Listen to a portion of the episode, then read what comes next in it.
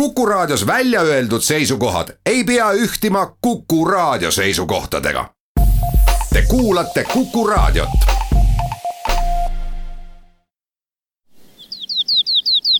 läbi Eesti. rändureid varustab Makasport tere päevast, head raadiokuulajad, saade Läbi Eesti jätkab Eesti saja-aastaste tutvustamist ja saatejuhiks on täna Liis Seljamaa tuhande üheksasaja kaheksateistkümnendal aastal ilmusid käibele ka esimesed Eesti Vabariigi postmargid. kui Eesti Vabariik loodi talvel, siis sellele järgneval sügisel olid postmargid juba valmis, noh muidugi asutati siis ka Eesti Post ja kõik need teised vajalikud asjad sinna juurde. Eesti Filatelistide Selts ei ole vist sajaaastane, aga igal juhul on tegemist ka väärika kogukonnaga ja selle seltsi üks juhatuse liige on Kaido Andres. peaks veel ütlema, et on tegu rahvusvahelise Eesti Filatelistide Seltsiga. filatelia on vist üks üks selline väga-väga rahvusvaheline ja väga-väga pika ajalooga niisugune hobi? no esimene postmark ilmus ju tuhat kaheksasada nelikümmend, eks, Inglismaal. ja sellest alates on hakatud neid ka korjama ja tänapäeval loetakse neid kogujaid ilmselt suurusjärgus kuskil nelikümmend miljonit inimest. ja muidugi juurdekasv valdavalt tuleb muidugi Aasia arvelt. Euroopas, kes seda nüüd annavad, et jällegi filatelia kui selline on valdavalt tänapäeval keskklassi hobi, arenenud riikides on filateliste sajad tuhat elaniku kohta rohkem, kui on mujal. Mul oli väga huvitav kogemus Singapuris, ma sõitsin Lõuna-Aafrika Vabariigi filatelistide liidu inimesega, sõitsime koos lennujaama ja siis selgus, et nende kahekümne miljoni elaniku hulgas on täpselt sama palju filateliste, kui on Eestis, eks. samas, kui me vaatame Rootsi kuningriiki, siis noh, neil on kümme korda rohkem kui meil, eks. see tulenebki tegelikult riigi majandusseisust ja tema klesskassi olemasolust ja mitteolemasolust kolm, nelikümmend aastat vanad Hiina postmargid on praegu väga hinnalised ja selle piirkonna postmarkide ja ütleme ka postiajaloo asjade hinnad on dramaatiliselt tõusnud, kuna selles piirkonnas on neid inimesi rohkem ja samuti on ka muidugi seal vastavate riikide valitsused seda suunda ka kuidagimoodi toetanud, väga paljud maailmanäitused toimuvadki just Aasia riikides, kuna sinna on lihtsam finantsi peale leida. kaks tuhat viisteist oligi, Singapur sai viiekümne aastaseks ja sellepärast tehtigi maailmanäitus, mida toetas Singapuri post, aga Singapur on teatavasti suhteliselt autokraatlik riik ilmselt ei olnud väga keeruline Singapuri postile anda vastav ülesanne. kui me nüüd vaatame siin Inglismaa poole, Inglismaa kuninglik filatelia selts saab järgmine aasta saja viiekümne aastaseks ja nendel on tõsiseid probleeme, et juubelinäitust korraldada ja juubelinäitus toimubki Rootsis, kuna Rootsi Kuningliku Ühingu Seltsi liikmed leidsid vastava finantsi või õigemini leidsid ühe toetaja, kes pani olulise osa sellest summast sinna alla. demokraatlikus riigis on riigil on oma funktsioon ja filatelia nende hulka täna enam ei kuulu noh, ometigi antakse ju postmarke välja kogu aeg nendes riikides, kõikides ju. postmark pigem on noh, nagu vanasti öeldi, ta on riigi visiitkaart, et ega ta on ju suuremal või vähemal määral jäänud ju ka riigi visiitkaardiks ju tänagi ja, ja kui nüüd vaadata ka Eesti Posti või noh, täna Omniva postmargi väljaandmiskava, siis nad väga jälgivad hoolega seda, mis on trendid, milliseid postmarki müüakse väljaspoole. noh, näiteks miks meil on hästi palju on tuletorni sari on niimoodi, kes tuleb aastast aastasse, tuleb postmark, et võib ju öelda, et noh, mis te nendest ühesugustest mastidest välja annate, et nad ega mittespetsialistile aru ei saa, aga see on jälle niisugune valdkond, mis müüb väga hästi. teine niisugune sari, mis on Eesti loomad ju, siin eelmine aasta oli ju Ilvesega postmark ju ühe rahvusvahelise organisatsiooni küsitluse alusel oli maailma kõige ilusam postmark. Neid trende jälgitakse ja neid trende jälgivad kõik riigid, et tutvustada oma riiki, aga ühtlasi seda, mis ka müüb, noh, loomad, lapsed, kultuuriobjektid, noh, majakad, rahvariided, need müüvad ju alati vaata, kui on Hiina kalendri järgi uus aasta, Eesti Post annab alati vastava postmargi välja ju. see on tohutult populaarne, Eesti Post läbi selle margi reklaamib Eestit väljaspool Eestit. nii et siis võib öelda, et tegelikult postmarke trükitaksegi väga suures osas filatelistide jaoks täna ka? tore oleks nii mõelda, aga ma kardan küll, et ta nii ei ole, sest nii palju, kui me seda Viljatelia kogukonda vaatame, siis ega, ega noh, harva kui Eesti Posti tööga rahul ollakse, et alati filatelia seisukohalt midagi tehakse valesti või liiga palju või liiga vähe või, aga ei, seda jälgitakse ikkagi ja, ja kogujad on maailmas olemas. aga kui vana siis see rahvusvaheline Eesti filatelistide selts on? meie selts on asutatud tuhat üheksasada kolmkümmend kuus ja noh, nagu paljudel asjadel vahepeal järjepidevus nagu kadus ära. kõige vanem seni tegutsev Eesti filatelistide klubi on Tallinna Filatelistide Selts, tema on asutatud tuhat üheksasada viis. nii et see on vanem kui Eesti Postmark? ta on vanem, vanem kui Eesti Postmark, jah. selle filateeliaga tegeleti ikka ammu-ammu enne tuhande üheksasaja kaheksateistkümnendat aastat Tartus on ka Philadelphia's seisnud ka aastast tuhat üheksasada kolmkümmend kuus peaks olema esimene. nii et noh, neid klubisid tehti omal ajal igale poole kui nüüd hakata ajalugu vaatama, sest ega see rahvusvaheline suhtlus oli Eesti Vabariigi aega Philadelphia's juba päris algusest saadik sest ega neid marke ülemäära palju ei olnud. kui tänapäeval Philadelphia näitusele sa lähed mingi teemaga välja või sul on mingid postmargid, siis esimesed võistlusklassid olid näiteks niimoodi, et kuni viis tuhat marki, võistlusklass kuni kümme tuhat marki. päris Philadelphia alguses tähendab, võisteldi sellepärast, kellel on kõige rohkem, eks. võib küll öelda, et internet päästis Philadelphia. tänu internetile on olemas rahvusvahelised oksjonikeskkonnad, kus on praktiliselt võimalik reaalajas sul, kui sa tead, mida sa otsid, märksõnadega on võimalik leida kõik asjad ülesse ja neid ka osta. teine teine valdkond on olemas maailmas viis-kuus suurt margikataloogi kaubamaja või kes annavadki välja postmargi kataloogi niimoodi riikide kaupa juba niimoodi järjepidevalt. ja, ja kolmas niisugune allikas on oksjonimajad, sest noh, meil Eestis küll postmargi oksjonimaja ei ole, aga siin noh, see-eest jälle Saksamaal on neid kümnete kaupa ja nad on saadaval nii paberversioonis kui internetis ja kui sa neid korjad ja jälgid, siis on ülevaade sul ka absoluutselt kõikidest ka haruldasematest asjadest. väga haruldastel markidel näiteks tema hinnale annab ka juurde, kes on olnud tema eelmised omanikud. Ka seda jälgitakse ja samuti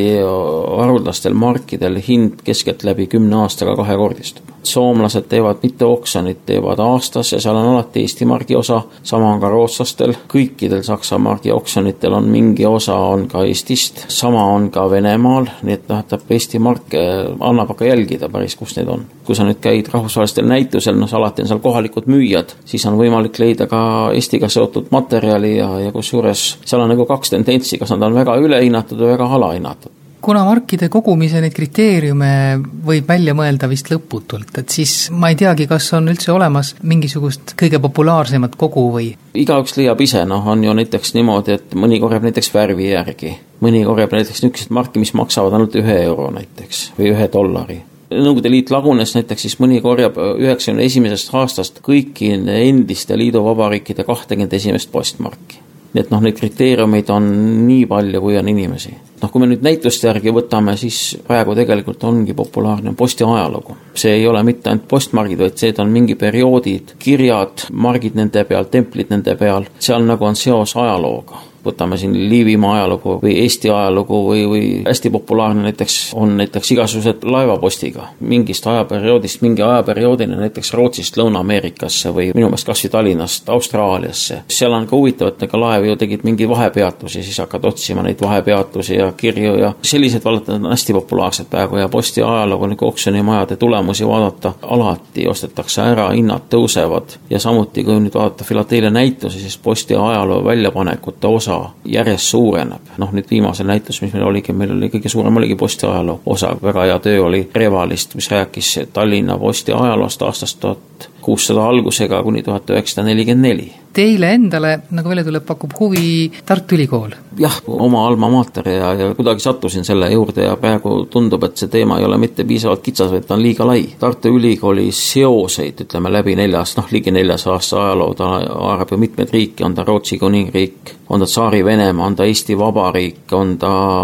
Saksa impeerium, siin Esimese maailmasõja ajal jupiti, Teise maailmasõja aeg jupiti, see on nüüd üks pool, eks, teine pool on need inimesed, kes on siin õppinud, sest noh, teatavasti Tartu Ülikoolis on lõpetanud umbes seitsekümmend tuhat üliõpilast. Nendest postmarkide peale on jõudnud vist üle saja ja mõni nendest on jõudnud päris mitmete ja kõige kummalisem ongi see, et nad jõuavad siin praktiliselt kõikide riikide postmarkide peale Ameerikas Põhja- ja Lõuna-Koreani välja, eks ja see ei tähenda mitte ka ainult markide kogumist, noh, ma ei tea, võib-olla on ka selliseid filateliste, kes tõesti ainult markidele keskenduvadki, olgu nad siis ümbriku peal või äh, lahtiselt, aga tõsisemad huvilised laiendavad oma esemete loetelu ka. kui ka korjatakse postmarke, siis kui sa korjad mingit konkreetset teemat, näiteks lennuposti, siis tegelikult on äh, kohustuslik, et sa sinna korjad sama margi peal, noh, sama asi ka kirja peal. Eesti esimene lennuposti mark ju ei olnudki tegelikult postmark, vaid ta oli juurdemaksu jaoks, oli niisugune mark, et kiri Tallinnast läks Helsingisse lennu lennukiga ja alles hiljem muutus ta nagu ütleme konkreetseks postmargiks. ja kui sul kirju ei ole, siis see kogu on tegelikult ütleme isegi postmargi seisukohalt on poolik. läbi Eesti. rändureid varustab Makasport. Teie enda kogust, mille üle teil kõige rohkem hea meel on, et teil see olemas on? mul õnnestus eelmine aasta saada Gustav Adolf teise kiri, no Gustav Adolf teine teatavasti on Tartu Ülikooli asutaja, maailmas on teada kuskil, kuskil kolmkümmend kirja, mis on nüüd olemas ja nad on nelisada aastat vanad, et noh, palju neid ikka nii väga liigub. ja, ja teine niisugune põnev leid oli, eelmine aasta õnnestus saada tuhat kuussada kolmkümmend viis Tartu Ülikooli teise rektori kiri Tartu Ülikooli teisele rektorile. tol ajal Liivimaa kuulus Rootsi alla, tähendab Liivimaa kuberner oli ühtlasi ka oma ametiseisu tõttu oli ka Tartu Ülikooli rektor. samamoodi ka Nigugas Küte on õnnestus saada kiri, kus Riiast saadeti siis Liivimaa kubernerile kiri tuhat kuussada kolmkümmend viis ja aastatel tuhat kuussada kolmkümmend neli kuni tuhat nelisada nelikümmend neli, seesama mees oli ka Liivimaa kuberner ja ühtlasi ka Tartu Ülikooli rektor oleks väga huvitav teada, kuidas või ütleme, millise teekonna need kirjad peale seda, kui nad on saadetud siis sinna, kuhu nad pidid jõudma, on läbi teinud? ütleme nii vanade kirjade puhul enamus nendest kirjadest on tegelikult vastavate riikide riigiarhiivides tegelikult ja, ja erakätes neid, neid väga palju ei ole. sellest perioodist on ju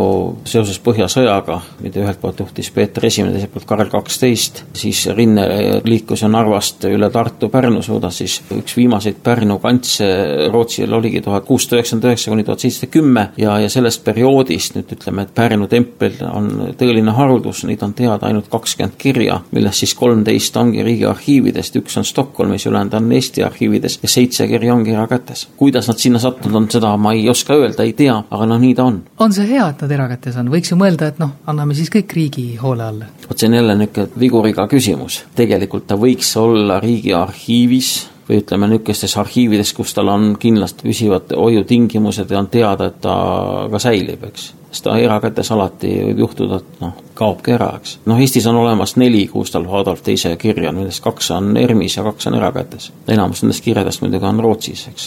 Inglismaal on praegu üks põnev oksjon, kus müüakse Vene tsaari perekonna kirju. näiteks seal on väga põnev kiri, mida ma pakkusin, kas ma saan, ei tea, muidugi oli Aleksander Esimene kiri Napoleonile. jälle Aleksander Esimene huvitab mind selle mõttes, et tema on Tartu Ülikooli taasasutamise ürikul allakirjutaja. niisugune kiri koos Vene impeeriumi Aleksander Esimene isikliku pitsatiga sobiks siia oma kogusse suurepäraselt. kas lihtsalt fakt, et see on sellelt isikult sellele isikule, on äh, kõige tähtsam või loeb ka see, mida tegelikult kirjutati? no kui sa suudad veel oma tööga ka kirja sisu ära siduda, siis on see eriti veel tore. maailma üks parimaid postiajaloo kogusid tegelikult ongi praegu, on Rootsis, mis räägib Rootsi vabatahtlikelt erinevates maailmasõjades, hakkab seal pihta kuskil kuueteistkümnenda sajandi algusest kuni seal tänapäevani ja, ja tema on tõesti suutnud ka sellised kirjad, kusjuures ta suudab need kirjad paika panna nii ajalooliselt kui ka isikutelt, kellelt on läinud, kuhu läinud ja seal on ka väga palju osa ka Eestiga sest nii mitugi Rootsi kuningat, ehk Gustav Adolf Teine kui ka Karel kaksteist on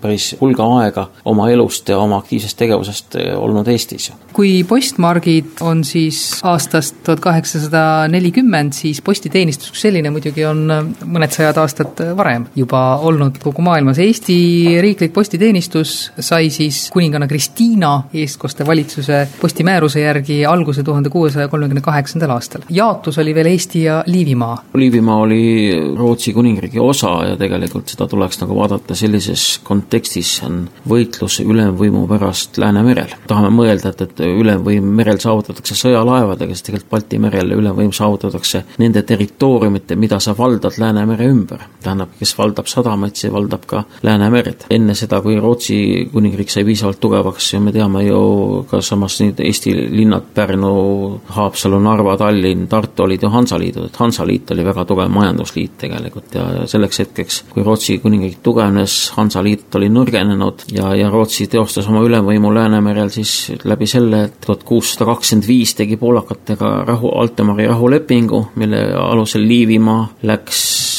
Rootsi kuningriigi allumusse ja, ja mõned aastad hiljem ka siis Eestimaa kui selline. ja, ja loomulikult oli vaja seda maad ju hallata, eks. Ja samuti ei tasu unustada ära, et Euroopas tol ajal käis kolmekümneaastane sõda ja, ja Rootsi kuningriigil oli vaja ka paralleelselt teist postimarsruuti, mis viiks alla, sest noh, Rootsi kuningriik ulatus ju praktiliselt Lõuna-Saksamaale, Nürnbergist allapoole veel, et oli vaja teist postimarsruuti see on ka üks põhjus, et miks see siis tuhat kuussada kolmkümmend kaheksa oli jah, posti loomine Eesti piirkonnas, kuigi samas näiteks Riia postmaster vastutas Tartu eest ja korraldas postitransporti juba tuhande kuuesaja kolmekümne teisest aastast Tartust Riiga. et need on puhtalt tegelikult geopoliitilised otsused, miks nii tehti postiteenuse juures olid väga olulised muidugi postiteed ja postijaamad, mida siis ka ehitati. noh, Eestis on ühes selles postijaamas praegu muuseum, kes sinna vaatama läheb, siis see võib ka ette kujutada, mida tegelikult oli siis postijaama jaoks vaja. see on ikka päris suur hoonete kompleks, ütleme nii. ta nii on jah, et ega, ega siis kui inimene ei väsinud, siis hobune ikka väsis ja vahepeal tuli hobuseid vahetada. tegelikult Rootsi ajal oli ju niimoodi, et Naissaar ja kalurid tegelikult olid ju kalakümnisest vabastatud, kuna postimarsruut läks Stockholmist, läks Turusse, Turust tuli alla Soome lõunarannikule, sealt siis Naissaare kalurid tõid posti Tallinnasse. ja kuna nad olid riigiametis, siis neid nagu kala eest neid makse ei nõutud nojah, lennuposti siis ei olnud, see oli laevapost. lennupost tuli alles jah, hiljem, tuhat üheksasada kakskümmend. kelle ülesanne oli üldse seda postimajandust siin nii-öelda nagu korraldada? tähendab, ma usun küll, et ta ikkagi postikorraldus oli, oli, oli riiklik, riiklik korraldus. kuigi noh, näiteks meil ei ole seda teada, näiteks Saksamaal on väga palju, on ka privaat, era, erapostiteenistust, kes annavad välja ka vastavaid postimaksevahendeid ja neid ikka täiesti aktsepteeritakse. aga Eestis on ta ikkagi alati olnud riiklik korraldus ühtlasi oli see ka oluline infrastruktuuri mõttes, eks ole, kui oli postitee, siis see tee läks ikka nii, võib-olla tegi seal mõned käänud sisse, aga enamasti rajati ikka sinna hea tee, mis siis viis ühest kindlast punktist teise, eks ole. suuremad linnad olid ju postiga kaetud, Saari-Venemaal teatavasti oli kuuskümmend neli alljaotust ja, ja iga alljaotus, post käiski nende alljaotuste pealinnade vahel ja edasi siis veeti nagu laiali. Tartu oli Riia all, et Tartu, Pärnu, Võru kogu Tsaari-Venemaa post tuli läbi Riia. ja mingil hetkel muidugi siis, kui nüüd raudtee ehitati Tartusse ja Tallinnasse, siis äh, hakkas post liikuma ka mööda postivaguneid rongiga ja hakkas ka otse, otse liikuma kirjade järgi saad ju vaadata, palju siin post liikus, kusjuures tuleb tunnistada, ega ta nüüd väga aeglane ei olnud, et isegi tänapäeval võib leida neid kurioosumeid, kus kiri liigub ikkagi kordades aeglasemalt, kui omal ajal liikus, see on hobuse abil, eks. siin on ju küll juhtumeid, kus kiri tuleb viis kuud ja kuus kuud ja noh, neid ei ole muidugi massiline, aga neid on, eks. aga tol ajal ma ei kujuta ette, et mõni kiri selle hobusega tuli seal neli või viis kuud, ikkagi me räägime siin kuni nädalast kiri liikus Peterburist Riiga või Peterburist Tallinnasse või Peterburist Tartusse. ilmselt tol hetkel oli see post ka oluliselt tähtsam, kui ta täna on muidugi no kuivõrd kirjateel asjaajamist oli äh, tunduvalt rohkem kui täna, siis oli ka postiasutusi, eks ole, üle saja viiekümne enne Esimese maailmasõja algust umbes Eesti Vabariigi territooriumil, tänaseks ma ei tea, kui palju neid järgi jäänud on. ega mina ka ei tea, aga samas on ka nüüd niimoodi, et ega, ega see kirjatee saatmine ju järjest väheneb. elukoha lähedased või ütleme, elukoha toidupoe lähedased, need pakiautomaadid ja tegelikult väga palju postkontori funktsioone võtavadki üle ju. võib-olla ongi see ajamärk ja ta võib-olla peabki nii minema. väga palju ei ole, aga ütleme siin osades madalmaades näiteks näiteks kirjade postmarki enam ei tembeldata. aitab seda, et postitöötaja tõmbab margile risti peale, et seda marki enam kasutada ei saa. pigem on ikka ajamärk, et mõni asi noh, ei ole määratud kestma, eks, kuna paremad asjad tulevad peale. läbi Eesti. rändureid varustab Makasport saates Läbi Eesti räägime täna sajaaastasest Eesti postmargist. saatejuhiks on Liis Seljamaa ning juttu ajan rahvusvahelise Eesti filatelistide seltsi juhatuse liikme Kaido Andresega. rääkides sellest tuhande üheksasaja kaheksateistkümnendast aastast, siis selle senise postisüsteemi likvideerisid tegelikult Saksa okupatsioonivõimud, kes kahekümne viiendal veebruaril siis, kuigi Eesti Vabariik oli välja kuulutatud, see neid eriti ei huvitanud, nemad tahtsid oma asja ajada. üheksasaja kaheksateistkümnendal aastal oli ju ka saksakeelne Tartu Ülikool, mis oli siin kuskil natuke üle kolme kuu, kus õppejõud toodi rongiga Saksamaalt samas jälle kaheksateistkümnendal aastal üleandmine toimus väga tsiviliseeritult, tähendab, paradoks on ka sellest, andsid ja võtsid üle ikka kõik ülikooli õppejõud vastavalt oma poliitilisele meelsusele, kes oli kuskil poolel, eks. aga jällegi jah, et niisugust lõhkumist ja, ja ikkagi anti korrektselt üle ja Saksamaa lihtsalt lõpetas ära, tal ei olnud huvi, eks. ja, ja Eesti oma post ju tegelikult loodi Tallinna postkontori töötajatest, noh, inimesed, kes olid teada, nendega käidi, räägiti läbi, Tallinna postkontori töötajad saidki aluse, noh, Eesti oma, oma posti tekkel. ja see oli siis natuke enne, kui postmark tuli? tegelikult kõigepealt tuleb võtta vastu seaduseks, posti puhul on oluline, tuleb kehtestada ka tariifid ja postitariifid ja tegelikult postitariifid kehtestati umbes nädal aega enne seda, kui postmark ilmus. see tähendab seda, et, et kuskil nädala, nädal aega enne esimese postmargi ilmumist oli võimalik saata kirju niimoodi, kus postitöötaja kirjutaski, et postimaks makstud ja kirjutati käsitsi ümbrikule peale kas me võime nimetada seda piisavalt kiireks tegutsemiseks, ütleme novembri lõpus siis need esimesed postmargid tulid ja ütleme novembrikuus see postiteenistus nii-öelda Eesti Vabariigi postiteenistusena tööle hakkas? no ma usun küll, et ega mäletades siin üheksakümne esimest aastat üleminekuperioodi, tegemata oli ju kõik ju ja mulle tundub, et vähemalt posti loomise juures sattusid õiged inimesed ja, ja see asi nagu saadi suhteliselt kiiresti tööle nagu õigetel jalgadel esimesed postmargid lillemustriga ilmusid siis kahekümne neljandal novembril, maksid viis kopikat, mõni päev hiljem tuli ka teise tariifiga viisteist kopikat, siis ikka lillemustrilised margid. esimese postmargi puhul oli jällegi nagu ikka, et oli kiire. Ei olnud aega ju mingeid konkursse korraldada, tähendab, et korraldame postmargi konkursi, kes võidab siis selle, sellest teeme esimese postmargi. Ja tegelikult esimese postmargi lillemustri aluseks võeti ju Saksa templimark muster, mis on Tallinnas välja antud.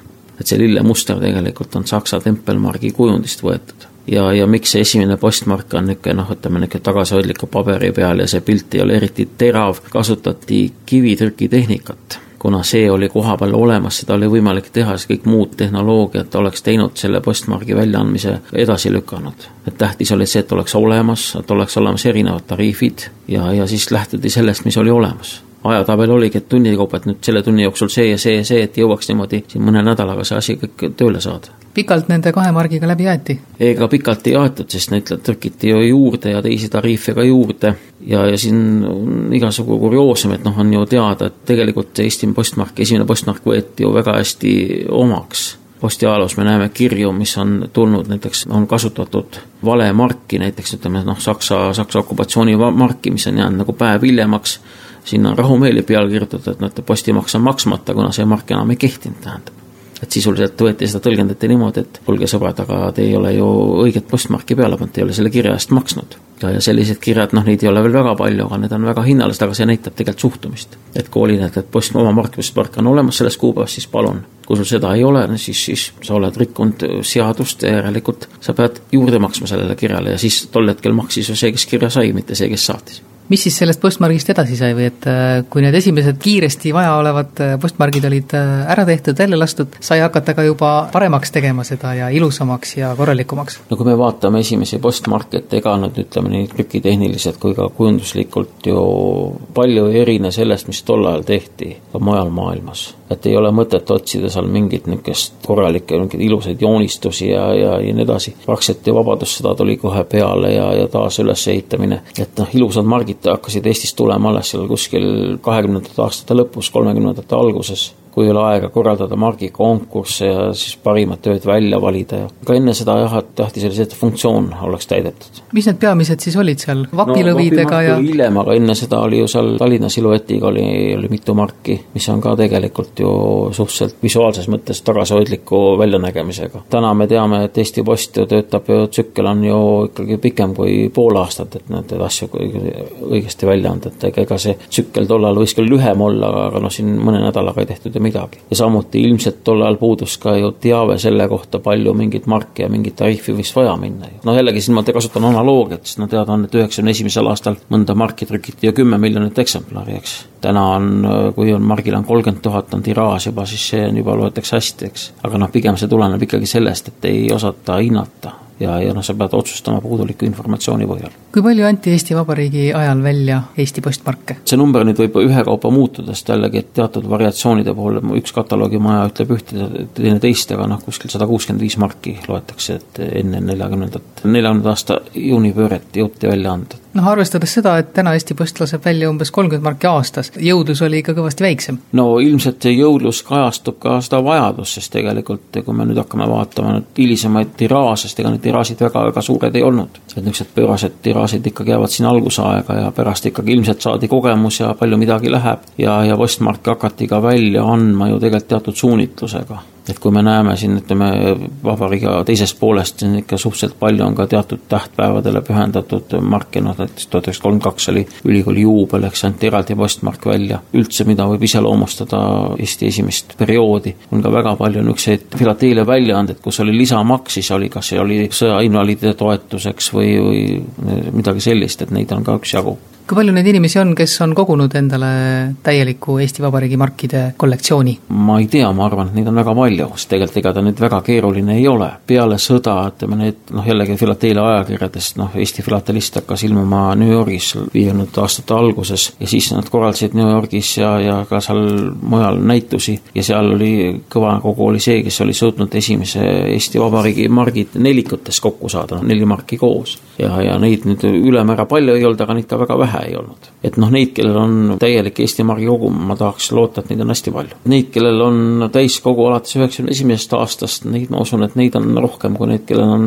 kõik Eesti postmargid. on teada, et siin nii mitmedki vanemad ostavad oma lastele, näiteks kui ilmub mingi uus postmark peres on kaks last, siis ostetaksegi kaks marki, pannakse kumbki eraldi albumi vahele ja niimoodi tekitakse lastele margialbum. et ma usun, et neid on ja samuti Eesti Postil on ju selline teenus, et sa võid ennast ju margid omale koju saata. kas siis noh, ütleme peale igat ilmumist võid saata ka kvartali kaupa niimoodi ja sa saad ära määrata, mida sa tahad saada ja nad saadavad sulle iga kvartal niimoodi paketi koju. et ma usun jah, et Eesti puhul seda vaeva väga palju ei ole, et, et küll jah, tuleb tunnistada, et nii mõnigi mark ei ole nüüd väga levinud, et noh, kus on tiraažid on väiksed ja nad on lihtsalt läbi müüdud. juba selle aasta nii mõnigi postmark on seal praktiliselt otsakorral, et tulebki järelturult osta, et meil oli see sajanda aasta peale tähendatud filatelia näitus, selle puhul anti välja postmark selle puhul anti välja margiplokk, siis tähendab sellest margiplokist Omniva kodulehelt, no neid väga palju enam saada ei ole. ja samuti anti välja ka spetsiaalne eriümbrik, mis oli pühendatud siis Eesti Postmargi sajandale aastapäevale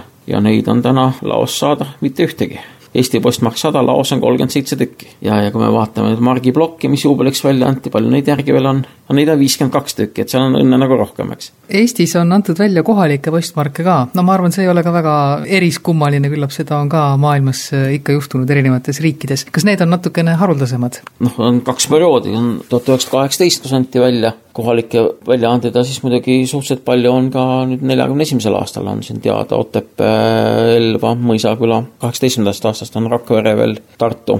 ja, ja nad on selles mõttes on nad hinnalisemad, et kuna see periood, mida neid kasutati, on lühike, samuti nende tiraažid on väiksed ja, ja kui tiraaž on väike, siis loomulikult on, ta tekitab huvi ja noh, ja nüüd Rakvere postmargid ja Otepää ja, ja Elva ületrükiga, nad on ühed kallimad jah, praegu. No siin Otepää postmark Margi lehe eest kaks kolmkümmend tuhat välja käia ei üllata nagu mitte kedagi. osa Elva ületrükiga marke, no neid müüakse seal kuskil paarikümne tuhandega. see on tõesti päris hea investeering. eeldusel, et sa neljakümne esimesel aastal ise tembeldasid või, või sinu vanaisa seda tembeldas, siis küll, et kui sa kümme aastat tagasi ostsid, siis ta enam nii atraktiivne ei ole, kuigi jah, ilmselt on võimalik teenida, et pigem jah, et, et nendel, kellel nüüd vanaisast on postmarki järgi jäänud, kus sealt midagi leiab, siis on ta väga hea investeering, jah läbi Eesti. rändureid varustab Makasport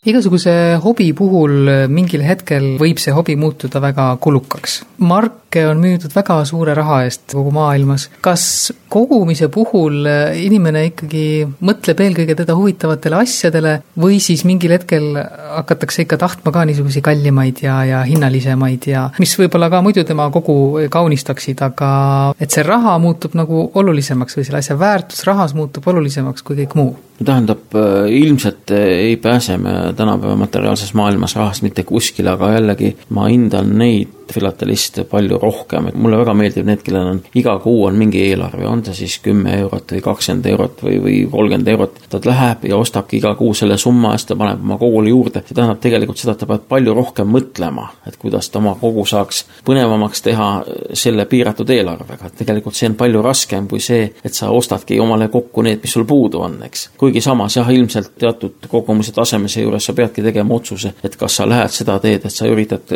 oma kogu võimalikult täiuslikuks saada või sa jäädki sinnamaani pidama, et ütled, aga see ei ole sinu jaoks tähtis mingist hetkest alates jah, paraku tuleb ka välja käia rohkem suuremaid summasid kui sada eurot ja sellest ei pääse mitte kuidagi. et see hetk jõuab kõikide filatelistide elus kätte? ma arvan küll, et mingi otsustamise teedki, et jah, et, et kuhu sa oma koguga lähed, sest tegelikult ütleme, võimalusi on niivõrd palju, palju võimalusi ka neid, sa ei, sa ei lähegi kalliks, ei peagi minema tegelikult. sa valid omale niisuguse südamelähedase teema ja, ja sa saadki hakkama, ei olegi tähtis. kuigi jah, ütleme teatud teemade puhul noh, Vana-Eesti tegelikult suhteliselt on kallis praegu, et see, kes alustab täna esimeste postmarkide korjamisega näiteks tuhat üheksasada kaheksa kaheksateist kuni seal tuhat üheksasada kakskümmend kaheksa või tuhat üheksasada nelikümmend. kui ta tahab võimalikult täiuslikku kogu kokku saada, siis see on ikkagi, osutub ülemäära kalliks, mitte öelda väga kalliks, sest mõned asjad lihtsalt ongi väga kallid, kuna neid ei ole, ei ole saada lihtsalt aga jah, mulle endale meeldivad tegelikult see, see seltskond palju rohkem, kellel on eelarve ette antud. tal on seal palju nuputamist ja tal loomingulisest on palju rohkem, et saada niimoodi, et ta ise, ise rahul oleks. ja neid kogujaid on palju rohkem kui neid, kes otsustavad, et lähevad selle kallima peale.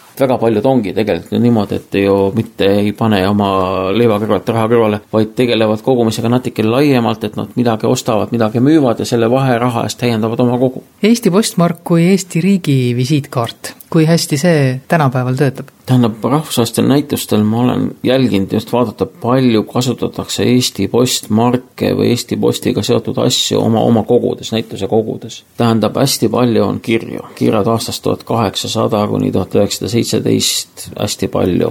Narva, Tallinn, Pärnu, Tartut natuke vähem. ja, ja kui nüüd postmarkidest rääkida, siis esimesest vabariigi perioodist on lennupost ja kindlasti on viikingiga margid, mida kasutatakse suhteliselt palju nüüd uuematest markidest hästi palju on tuletorn ja, ja samuti ka ütleme Eesti loomamotiiviga postmarke. Kui me annaks välja Harry Potteriga margi, kindlasti oleks see ka üks populaarsemaid, aga noh, me seda teinud ei ole ja võib-olla, võib-olla ongi õige, et me seda ei tee, et las teeb seda Uus-Meremaa ja või kusjuures Harry Potteriga postmargid on väga populaarsed, Uus-Meremaa väga aktiivselt seda asja propageerib ja olen näinud Harry Potteriga näituse kogu ja täitsa huvitav on vaadata no ütleme, kui siin tuletornid on mitu korda tulnud jutuks, et Eestis on ka väga palju niisugusi maailma mõttes ka tähtsaid tuletorne ja see teeb need tuletornid ka iseenesest oluliseks. no ta nii on ju, samas ütleme filateeliast, ega merendus, ütleme laevandusega seotud teemad on niisugused universaalsed teemad ja nad ongi noh, populaarsemad, ütleme merendus, lennundus, autod, tahes-tahtmata ütleme, nende kogujate ring on alati laiem no meil Hiiumaal on üks väga tubli noor koguja, kes kogub helikopteriga näiteks postmarke ja kaarte. väga ütleme noh, ütleme poistepärane ja, ja miks mitte, eks. ja ilmselt see põhjus, miks on laevad ja lennukid populaarsemad, seesama teema, et ega ka filateelia saab ju alguses, enamuselt saab ta alguse ikka kuskil koolipõlvest.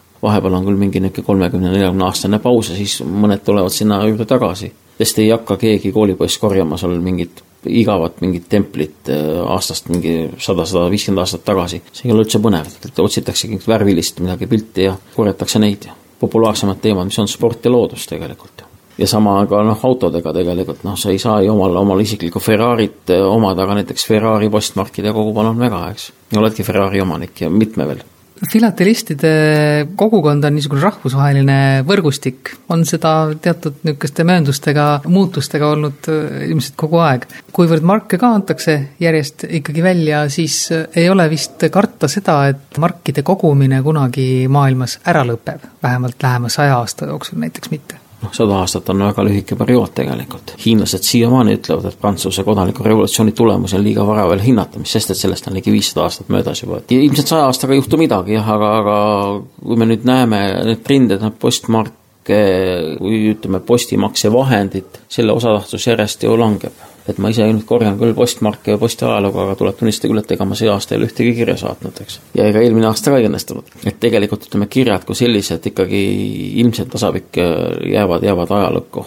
asenduvad siin emailiga või, või mõne muu meetodiga. aga, ilmselt jäädakse korjama seda perioodi, mis tuhat kaheksasada nelikümmend ja kas see nüüd lõpeb kaks tuhat nelikümmend ja kaks tuhat viiskümmend ja kaks tuhat ükssada viiskümmend, see on mingi aeg ja, ja seda perioodi ilmselt jäetakse korjama. no vot, siis on küll hoopis teine lugu, kui post postmarke ei trükita enam. noh, samas on jälle niimoodi tegelikult, ega ka kolmekümne viimase aasta trükitud postmarkidega nad reeglina väga väärtuslikud ei ole, et kui seal mingit vigurit küljes ei ole, siis neid väga ei hinnata, eks, aga, aga hinnatakse näiteks tänapäeval juba näitusel postmarke, mis on ilmunud tuhat üheksasada seitsekümmend kaks, eks noh, kahekümne aasta pärast võib-olla see jõudakse ka kahe tuhande aastani. et noh, kõik on siin muutuv, aga et jah, et värskelt ilmunud postmark, ütleme, näitusel ja, ja väga kõrgelt ei hinnata põhjus väga lihtne, teda on liiga palju, ta on kõigile kättesaadav, eks. et on vaja lasta ajal kulgeda, siis selgub, et, et neid on hoopis vähem ja siis nende hinnad võivad tõusta. vanu autosid korjatakse, vanu relvi korjatakse, eks, vanu postkaarte, proovige leida mõni, niisugune postkaart, mis on trükitud enne tuhat üheksasadat aastat, vaadake, mis need hinnasildid seal küljes on, eks. nähtakse ka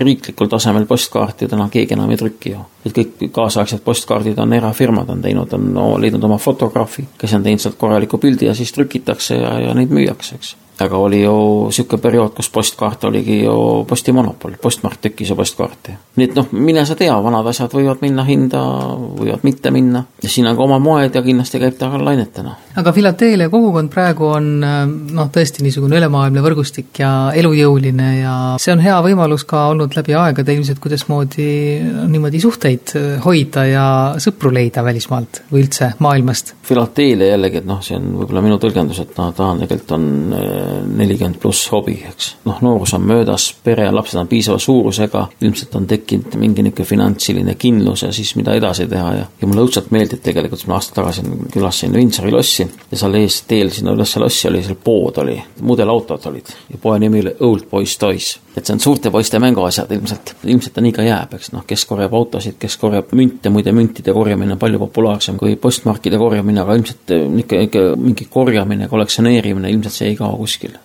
ja korjatakse ju tegelikult ütleme noh, euromünte näiteks, noh, ja see pidevalt tuleb neid juurde ja, ja see on hästi populaarne. rääkimata nüüd vanadest müntidest, eks, ja, ja paberrahast ja mis nüüd on langust, no vanasti, kes nüüd Nõukogude perioodi mäletavad, on tuletiku etiketid olid, noh, noh, neid vist enam tõesti, tõesti ei saa. või siin mitte väga ammu olid ju telefonikaardid, sai ju, tänaval oli automaat ja panid oma telefonikaardi ja, ja, ja neid telefonikaarte kogutakse ja mujal maailmas neid ka veel kasutatakse. teatud piirkondades on telefonikaardid on väga-väga korjattavat ja panevat materiaalit. Aga see meie Eesti postmark, millel on siis see saja aasta tähistamise aasta, võime me selle üle uhked olla? filatelistid muidugi kindlasti on, aga et üleüldse Eesti riigina? tegelikult ega Eesti postmark kui selline, kui me nüüd võrdleme teiste riikide postmarkidega, ega, ega ta näeb ikka päris hea välja ja, ja, ja näiteks inglased on meile siiamaani väga tänulikud, et tuhat üheksasada nelikümmend me andsime välja Tuviga postmargi, tähistamaks saja aasta postmargi väljaandmisest. noh, Euroopas oli siis möllas juba sõda ja väga vähesed riigid riigid pidasid seda tähtaega meeles.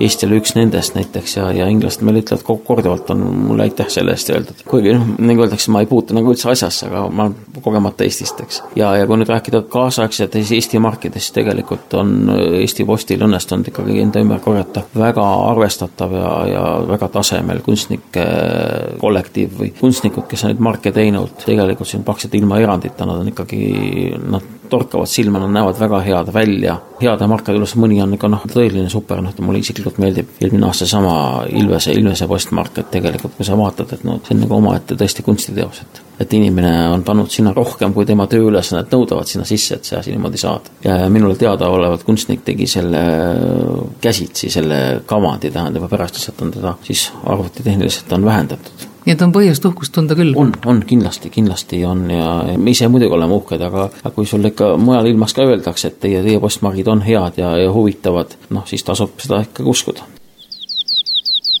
läbi Eesti. rändureid varustab Makasport